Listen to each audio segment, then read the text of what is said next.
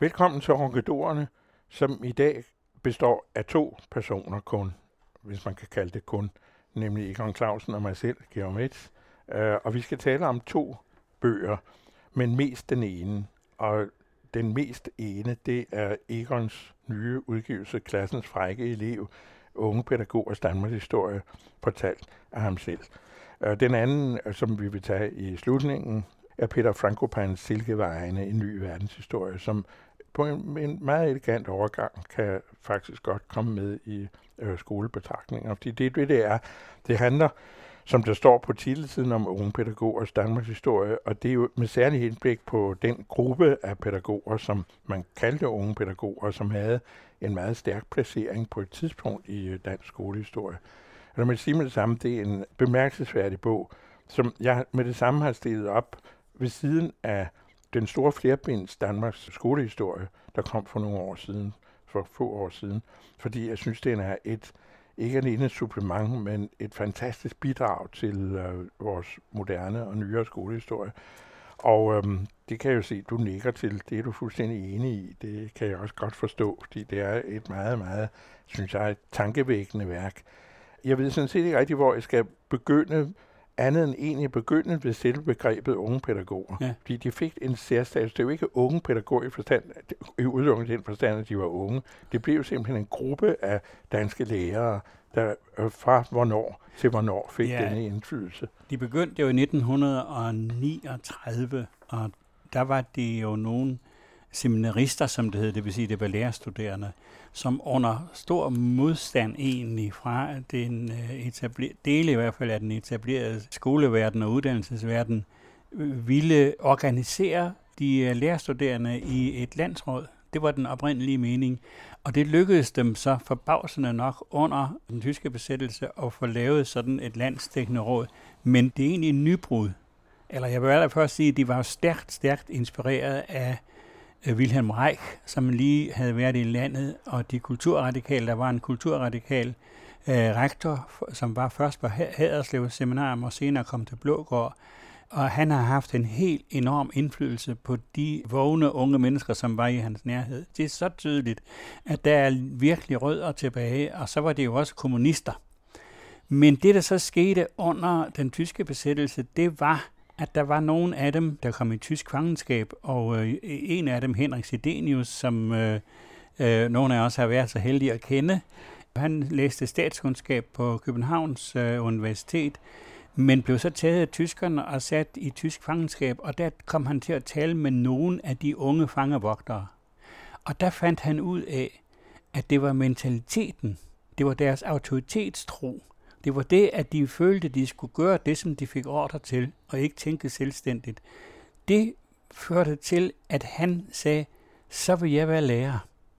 Fordi vi har ikke vundet den her krig, før vi har vundet over mentaliteten.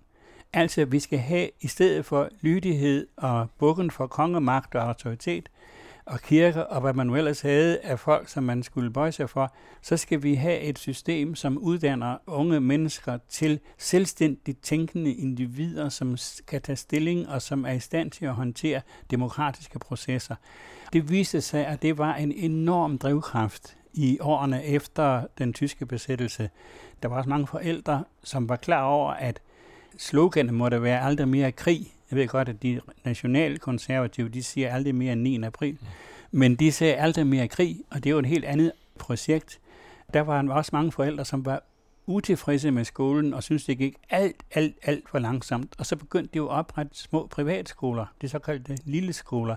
Og de er alle sammen udsprunget af det der ønske om, at krigen imod øh, fascismen er ikke vundet, før vi har fået lavet mentaliteten hos det almindelige menneske om, og det synes jeg selv er en fantastisk opmuntrende historie, og når man nu læser, hvad de der mørke mænd, som der er rigtig mange af lige for tiden, de skælder ud og hunser og synes, at den her såkaldte reformpædagogisk bevægelse, den, der har ødelagt hele skolen. Rundbordspædagogikken. Som ja, også det. Øh, og han har jo selv. Øh, men altså, hele det der forløb fik i begyndelsen en enorm energi, fordi man vil gøre op med fascismen og det, man har oplevet under den tyske besættelse. Og man kan jo se i øvrigt også, når man læser, hvor lang tid det tog, før at det egentlig gik op for nogen i hvert fald af de ledende skolefolk og ledende politikere, hvad det egentlig var, fordi mange steder så fortsatte man jo den tankegang, som nazisterne havde. Og der er et eksempel her med den sidste bogafbrænding, som jo fandt sted på Vesterbros Torv øh, en gang i 1950'erne, hvor man brændte tegneserier af, hvor der var en øh, kontorchef fra øh, undervisningsministeriet, som havde taget initiativ til det, og hvor han havde fået øh, de studerende på Kunstakademiet til at lave en stor figur af Fantomet. Og så var der et stort bål på, på Sankt Hans Torv, hvor de brændte øh, tegneserier, og den retorik, og den tankegang, som lå bag, det løber fuldstændig parallelt med den retorik, som man brugte ved bogopbrændingerne 20 år tidligere. Men så kommer den her reformbevægelse, ikke, med ja. Sidenius, som du nævner, Henrik Sidenius, som så bliver, og det er jo paradokset i det her, takket være Erhard Jacobsen, en af de store populister i uh, nyere dansk historie, ja. takket være hans indsats som borgmester i Gladsaxe, så bliver Sidenius rektor for det frie gymnasium derude og faktisk får han lov til at praktisere det her, med det resultat, at Erhard Jacobsen få år efter går inderligt imod ham med bål og brand ja. om, hvor stor skade uh, Sidenius ja. har voldt. Fordi, som du skriver i din bog, er at Jacobsen ser, at det er der vælgerne ligger. Og det er jo paradokset i det her. Der er forældre, der ser, at den gamle skole ikke duer mere, den de selv er uddannet i, den vi to i og for sig også er gået, i hvert fald i resterne af. Og så øh, går de ud og forlanger, at nu kommer den gamle disciplin tilbage i skolen. Altså, Erhard Jacobsen var jo øh, borgmester i Gladsaxe, og han fik, han, det var på hans initiativ, at Henrik Sidenius blev hentet over. Han var jo skoleinspektør over i Næsby øh, nord for Odense, og det var jo et, et utroligt spændende sted. Altså, øh, hvor man traf mange af dem, som senere har gjort store karriere, blandt andet i øh, skoleverdenen. Men så blev han hentet derover, fordi Erhard Jacobsen han ville have, at skolevæsenet, det, var, det er jo en gammel socialdemokratisk øh, drøm, at skolevæsenet skal være det bedste. Det skal være så godt, så borgerskabet ikke går ud og opretter privatskoler, fordi vi skal have et folk, der hænger sammen. Men det, der så er interessant, det er, at omegnskommunerne, ja, i 60'erne øh, og 70'erne, der sidder nogle borgmestre, øh, og der kommer jo en hel masse mennesker, som bliver flyttet ud, dels inden fra København, og dels er det så de der jugoslaviske fremmedarbejdere, som det var i begyndelsen, som flytter ind der. Og ingen af dem har forståelse for moderne pædagogik, og det forstår de borgmestre. Der er virkelig en usikkerhed, som de bygger på. Sådan en som Per Madsen i Ishøj, som jo også i begyndelsen var glad for, at skolevæsenet skulle være det bedste, men som slog om og blev lige det modsatte. Og Erhard Jacobsen, han øh, blev i verden, eller Danmarks berømt i hvert fald, på, på sin, øh, han lavede en, noget, der hedder aktiv skolepolitik. Og han modtog jo i hundredvis af breve fra folk over hele landet. Det var Desværre dem, det kildemateriale gået tabt. Ja, det er fordi, at jeg har været så heldig. Jeg var på borgmesterkontoret den dag, da hans efterfølger, nemlig Tove Schmidt, som er min gode veninde, hun overtog det. Der blev åbnet man skabene på borgmesterkontoret. Det var sådan nogle, der er i øh, reolhøjde, ikke? Og det, og det væltede simpelthen ud med uåbnede breve fra folk, som har skrevet til, til uh, aktiv skolepolitik. Og de blev så puttet ned i nogle sække, og det var så meningen, at de skulle hen på Erhard Jacobsens kontor. Men de der øh, rengøringsfolk, der kommer og troen, de troede, det var affald, så de blev kørt ud på, på afbrændingsanstalt, eller hvad hedder det, forbrændingsanstalten, og som jeg skriver, at varmen derudefra, den bliver brugt i øh, nogle af bebyggelserne i Gladsaxe, så noget nytte kom der derude af det. Men det var jo ganske typisk sådan set også for de aktive lyttere, som vi to også var udsat for i Danmarks Radio i sin tid, at øh, det var lidt svært at finde de øh, konkrete eksempler på indoktrinering, som den senere debat kom til at hedde, eller den ja. samtidige debat kom til at hedde. Det var svært at finde eksempler på lærere, som misbrugte deres dele, når det kom til stykket, ja. i øh, øh, det, som Bavnsberg Jensen så senere kalder den kommunistiske indoktrinering, hvor altså reformskolen pludselig bliver et øh, politisk anlæggende set med kritikernes øjne, den er du også ret hård ved i bogen her. Ret jeg synes, at kun jeg beskriver det, som skete. Altså, det er et tidligt eksempel på det, som man i vores dag vil kalde for fake news. Fordi Brownsberg Jensen sagde, at der var 10 procent 10 procent af lærerne i den danske folkeskole, som var ude på at øh, indføre en kommunistisk revolution. Og det passer overhovedet ikke. Hans samtalepartner i Berlin, det var Tidene, der åbnede det, var Ove Guldberg som var politisk medarbejder. hvis han havde talt med skolemedarbejderen, så ville skolemedarbejderen sige, at kan det nu passe? Men det er fordi, de var ude på noget helt andet. De var ude på at lave et skræmmebillede, og det lykkedes dem i meget høj grad. Og jeg tror faktisk, at det er den mest ødelæggende proces, der har været i den danske folkeskole. Men det hvor, den... hvorfor gjorde de det egentlig? Altså, det var jo dels, altså, nu spørger svarer jeg selv, det var vel dels i et forsøg på at inddæmme de unge pædagoger, for nu at vende tilbage til din bogs titel. Altså, det var for at hvis jeg nu skal tolke det, de gør, altså ja. hvad, hvad er en af de årsagen til, at de gør det? At der var en meget stor frustration i borgerlige kredse over, at øh, hvis man ser, det kan man også læse det her, hvordan den ene borgerlige bastion efter den anden falder. Simpelthen. Uh, vi begynder i 1939, der var præsten født formand for skolekommissionen de fleste steder. Det system blev afskaffet. I 1951 lykkedes det for Københavns Kommune at øh, forbyde fysisk afstraffelse af børn. Og det gav jo sådan et chok i borgerlige kredse, og de skrev, der, der var ingen ende på, hvad præster og kronikører og andre mørke mænd, de skrev om i Jyllandsposten, at nu gik verden under. Og det kan godt være, at den, den ville gå under, fordi der begyndte de at eksperimentere med atombomber, men det var slet ikke det. Det var, at spanskrøret, det kunne man ikke undvære som et middel. Og der var en lang række af bastioner, som borgerskabet mistede et for et i løbet af i hvert fald 60'erne. Og et eksempel, som vi var med til også, det var at nedlægge skolescenen, som jo virkelig var et symbol på den gamle autoritet, når øh, øh, han stod der med sin sorte bog. Det er jo simpelthen det tydeligste billede på den gamle autoritet, og det faldt. Der var sådan en lang, lang, lang, lang række, og der var virkelig sådan en frustration i borgerlige kreds om, hvor havner vi henne øh, det her? Vi må stoppe det. Men hvordan kan det være en radikal, som Bavnsberg Jensen gjorde? Fordi øh, blandt de radikale, der var for eksempel en skolemand som Arvid på Frederiksberg, som ja, var og Helve. Og Helve, gamle Helve, Kristen Helve, ja. Som gjorde en kæmpe indsats Fantastisk. mod spansrøret. Ikke? Ja. Og det var, det, var, det, var, det var Arvid, der fik, øh, tror jeg, gennemtrumfet den med spansrørets afskaffelse. Og ja, i, i jeg, København, ja. men det var jo kun i København, og så gik der i hvert fald 20 år før det blev indført i resten af Danmark. Men øh, hvorfor Bavnsberg gjorde det, det ved jeg ikke. Det er en af de store gåder i verdenshistorien. Altså, han har selv, så vidt jeg ved, flere gange øh, sagt, at han er meget ked af det og har fortrudt osv. Det kan jeg godt forstå, fordi, fordi der blev sat en snibboldseffekt i gang, som bredte sig ud over hele landet. Det er virkelig sådan en fake-nyhed, som, som fanger, fordi folk synes, at her er der endelig nogen, der siger noget om det, som vi går og tænker. Den frustration, som der ikke var ord på, den får så luft der. Men den fik jo så kæmpe betydning for fænomenet unge pædagoger, fordi de blev faktisk svækket af den. Ja, meget svækket, og, og det, det mener faktisk, at lærerstanden som sådan, altså det skriver jeg også, de, det, og det var de gode lærere, der bliver ramt. Det var dem, som øh, knokler i weekender, og som øh, øh, laver noget om aftenen, uden at skulle have noget ekstra betaling for det. Det var dem, som især blev mistænkeligt gjort for at have øh, øh, kommunistiske sympatier. Men altså, det, var, det var jo, som jeg skrev om hende der, Tove Nielsen, at hun kunne ikke skælne imellem almindelig intelligens og verdenskommunismen. så, så, så, Tone Nielsen var undervisningsminister i Hartlings meget korte og meget smalle regering. Ja, vi sagde om, at hun gik i for små sko, og de vendte desværre den forkerte vej. Men det morsomt, at Jens Otto Krav sagde i sin tid, jeg sad sammen med ham og spiste frokost der en gang i yngre jernalder, da Hartling havde lavet sin regering. Og så kom ministerne ind, og det er noget af det mest uh, lærerige, jeg nogensinde har oplevet som journalist, i det den for længst afgåede statsminister Krav kommenterede hver enkelt minister, der kom ind.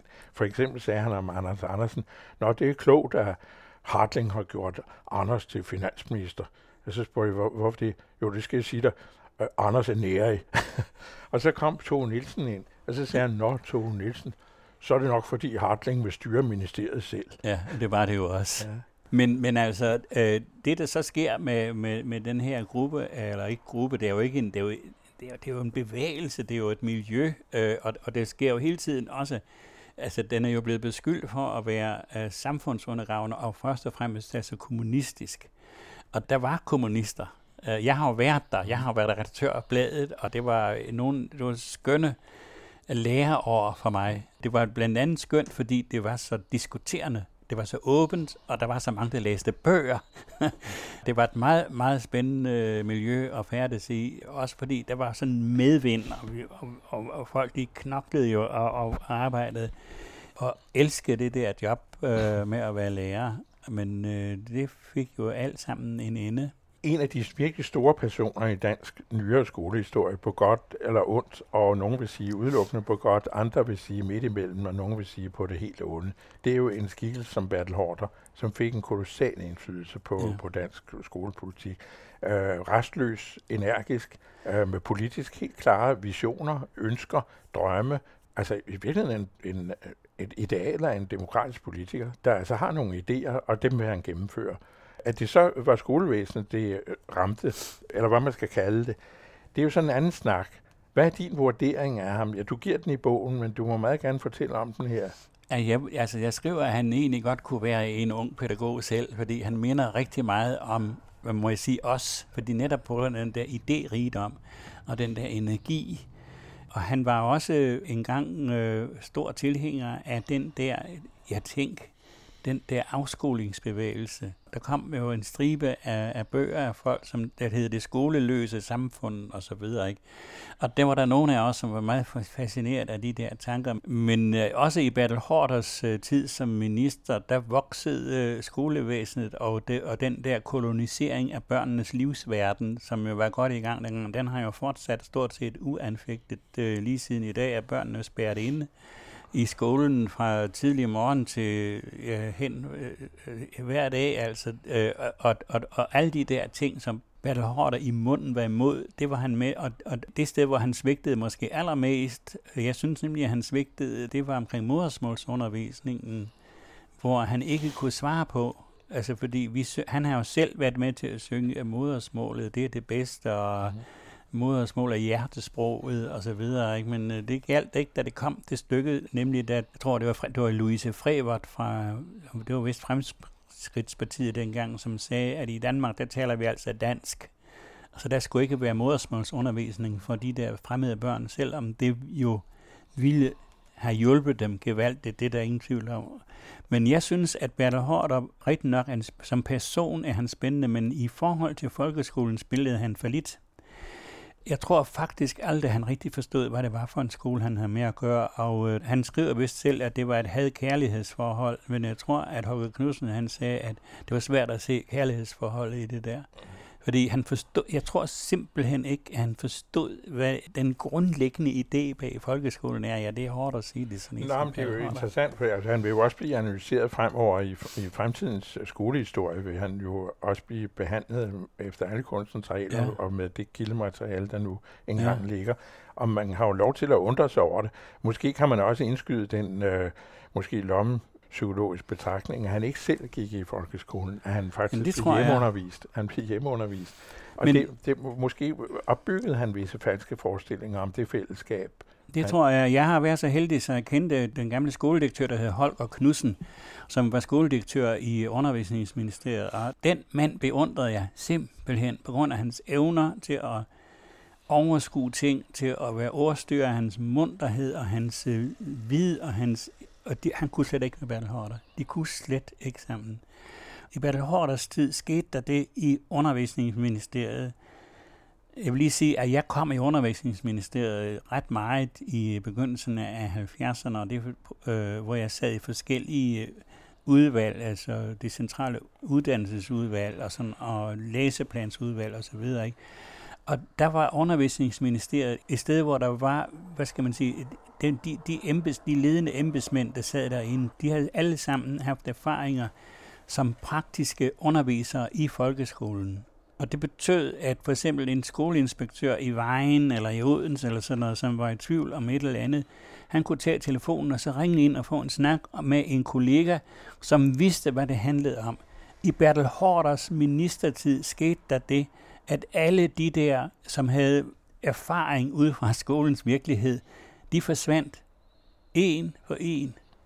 Og i dag er det sådan, at der er overhovedet ikke en eneste af de embedsmænd, som sidder i undervisningsministeriet, som har sat deres ben i folkeskolen som undervisere.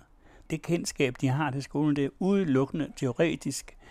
Og det mener jeg er, at det, det, det er at gøre skolen for træd. Men det gør det lettere for en hvilken som helst undervisningsminister selvfølgelig, at man kører det administrativt, at man ja. ikke behøver at køre det fagligt. Ja. Det er jo en god gammel machiavellisk fremgangsmåde, at man afskaffer ekspertisen ja, men, for at så kunne øh, man, køre det. Ja, altså de, de sidder jo selv inde i ministeriet, de er ekspertise, men de er ekspertise på en anden måde. De her, som jeg taler om, de havde jo ekspertise, fordi de, som de havde fået fra praksis.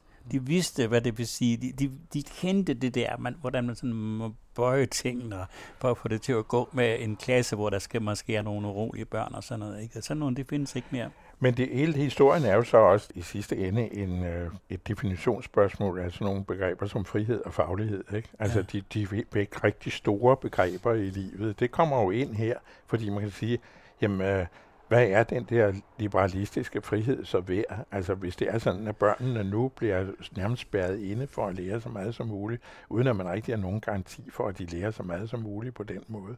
Det er jo egentlig et mærkeligt modsætningsforhold, man selv skaber. Altså hvis, hvis man sådan skal, skal se på, sådan som jeg har haft det lidt svært med at øh, få lavet slutningen på den her bog, også fordi jeg har været i nogle meget voldsomme diskussioner med den nuværende styrelse i unge pædagoger, som Øh, men vi er blevet enige om, hvordan vi slutter det der. Men det er nok simpelthen, når man ser ud i skolen i dag, så må jeg sige, at øh, det er rigtigt. Eller jeg vil hellere se ud i samfundet som sådan i dag. Hvis man sammenligner med det, som jeg så i 1939, og så det, som man har i dag, så må man sige, at en lang række af de synspunkter, som unge pædagoger stod for i 1939 og i 1945, de er i dag altså de er undervejs jo blevet anset for at være samfundsundergravende, negative og kommunistiske, og jeg ved ikke hvad. Men de er i dag i meget, meget stor udstrækning blevet folkelig eje. Den måde, man ser på børn på, den måde, at her i Danmark slår vi for eksempel ikke på børn. Det er et resultat af det her. Der er nogle lærere, som har betalt en meget stor personlig pris for, at det er blevet gennemført. I Danmark i dag har vi en forestilling om ligestilling, og vi har en forestilling om, at unge mennesker eller børn, de skal kunne tage ansvaret for deres eget liv. De skal kunne træffe beslutninger på egen hånd, og de skal først og fremmest også kunne, hvad skal man sige, forme deres egen identitet. Det er sådan nogle idealer, som er, jeg vil påstå, det er danskhed. Og det er noget, som i meget høj grad skyldes de her reformpædagoger. De danske værdier. Det er de danske, det er blevet til de danske mm. værdier. Men hvis man så ser på, altså for eksempel kampen mod eksamen og vurdering, altså vi mener jo, øh, karakter er svindel, sagde vi dengang, og det, det mener jeg stadigvæk. Det er i meget høj grad gældende også, det er slet ikke det. Jeg synes, børn øh, går næsten til eksamen hver dag. De bliver evalueret i hoved og røv, og, og hele den forestilling om, at man kan opstille et mål, og så når der så er gået det der vist antal øh, dage, så kan man se, om man så har nået det mål. Det er en frygtelig fristende tanke. Men det, som de gode pædagoger, det som de gode lærere ved, det er, at sådan kan man ikke. Du kan ikke vide alt, hvad der vil ske i det øjeblik, et barn eller et ung menneske møder et eventyr H.C. Andersen eller et digt af Torkel Bjørnvig. Det ved du ikke. Du kan ikke sige det på forhånd. Og hvis du sagde det på forhånd, så ville du blive et fattigt menneske, fordi, fordi du, der var nogle ting i tilværelsen, du ikke kunne tage imod. Og det er det, der huserer i folkeskolen i dag. Undskyld, jeg siger det. Vi har brug for nogle unge pædagoger, som og måske om de ikke er unge af sind, eller er unge af alder, så skal det være unge af sind. Vi har brug for den der anti-autoritære, og først og fremmest den der interesse for det andet menneske, som jo altid ligger som en bærebølge under den gode undervisningssituation i skolen. Det er der simpelthen brug for, og så det haster. Dermed er vi jo også inde i den der faglighed, og det er jo altså den, som også blev angrebet af fornævnte Art Jacobsen, der sagde, at de skal bare lære at læse og skrive og regne. Og øhm, inden for historien, så er det kongerækken, som du også er inde på, og det fører mig til den næste bog, jeg har, vi har med her i dag, den næste og sidste, nemlig Silkevejen af Peter Frankopan, en ny verdenshistorie, der blev udgivet på Kristi Dagblads forlag for nylig. En ordentlig svind på 800 sider, 756 sider, øh, og som da jeg læste den, tænkte jeg netop på min egen skoletid, og sådan set også kursustid. Lige frem også min studietid, og jeg tænkte, af hvor var vi egentlig afgrænset i vores historiesyn? Hvor blev vi afgrænset af at skulle gennemgå Danmarks historie tre gange i træk. Kan du huske det? Mm. At man begyndte forfra med stendyserne hver gang. Mm. Og så sluttede man lige på kanten af besættelsestiden. Hvis man var heldig, så fik man også freden med. Og så var den potte ude. Silkevejen er som antydet en fantastisk drejning af det historiske fokus, som allerede første opslagene, men på kortene på indersiden af, af, af, af bindet viser. Og det minder mig lidt om første gang i Rusland, altså hvor man pludselig ser et Europakort, hvor man tænker, hvor, hvor, hvor fanden er Danmark blevet af? Så hænger det op i det venstre hjørne. Ja. altså det hele er drejet. Og øhm, her er det også hos Frankopan, er det, hvor centrum faktisk ligger i det, vi kalder Mellemøsten, hvad der jo sådan set er meget rimeligt, men hvor netop at det bliver centrum, så bliver det fjerne østen ikke rigtigt det fjerne østen, men bare naboen til midten, kunne man også sige. Og hvis man ser til større kort, så er det helt oplagt, at centrum ligger et andet sted end det i Nordeuropa, som vi har opfattet som centrum, og som blev det på grund af vores tekniske innovationer og en meget stor ekspansionstrang af forskellige grunde, som gør, at øh, den kulturkreds, vi kender, og som vi er opvokset i, blev den magthavende sammen med den udvandring, der skete til Amerika, som blev det andet store kraftfelt. Men i virkelighedens historiske virkelighedsverden, så ligger jo de store kulturer i virkeligheden i midten af det her. Og det er det, Frankopan, forfatteren, forsøger at gennemlyse gennem forskellige veje ind til emnet. Han kalder hele sin bog, hvert eneste kapitel, veje til det ene og det andet veje til Nordeuropa, veje til imperiet, veje til krisen, vejen til krig, vejen til det sorte guld, og Silkevejen selvfølgelig som det grundlæggende, som allerede kom til i Romeriet, hvor man havde behov for at få import af det her utrolige stof, som silke er. Men øh, disse handelsveje, der blev trukket allerede dengang, kom til at danne kraftfelterne igennem verden på en helt anden måde, end vi kom til at se det i vores opvækst og i vores selvforståelse. Men som nu vi får i nakken ved, at de store kulturer ude i det, vi kalder med en, en, i sig selv en håndelig bemærket, det fjerne høsten. Mm. Det er riget i midten. Det er Kina, der er ved at blive meget stærk nu, med en fuldstændig vanvittig præsident i USA. Så kan man jo sagtens forestille sig, at Kina virkelig bliver det store politiske, kulturelle og sociale, økonomiske magtcentrum i fremtiden. Indien er også kommet godt på vej, hvor Europa mere og mere fortoner sig. Og vi jammer over, at det er på grund af forskellige ting, af mangel på fertilitet og jeg ved ikke hvad. Englænderne går i panik og melder sig ud af Europa, fordi de på en eller anden mærkelig måde forestiller sig, at de kan genopvække et imperium, som allerede da det blev etableret var en, uh, en illusion, og som var øh, et livsfarligt for et lands økonomiske videre udvikling, ligesom det blev for Spanien i sin tid. Det ene med det andet, det er en meget omfangsrig og meget, meget lærerig bog, som man ikke læser lige med det samme. Og den er ikke egnet til at læse i sengen, fordi så bliver man såret, når man mm. tager den.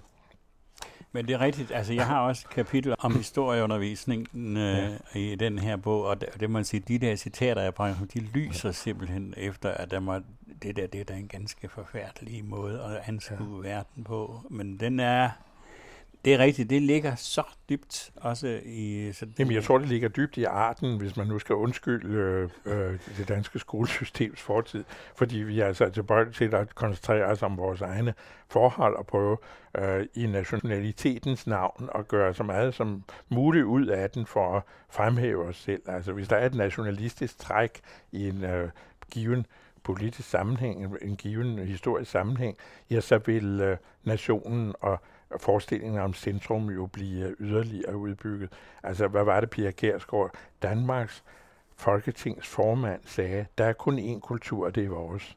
Og det kan jo næsten ikke siges tydeligere. Der vil jeg sige, jeg vil nødt anbefale Pia Kærsgaard at læse noget som helst, men denne her vil jeg sige, ville være nattelæsning for hende. Hvis hun, først, hvis hun så fik den ned i hovedet, så ville hun også måske blive en lille, lille smule klogere. Egon Clausen og Georg Metz, den ene halvdel af den anden radios Ronkedor, havde deres faste program om fagbøger taget klassens frække dreng med, unge pædagogers Danmarks historie, netop udkommet på Gyldendals forlag, og Silkevejen af Peter Frankopan, udgivet på Kristi Dagblads forlag.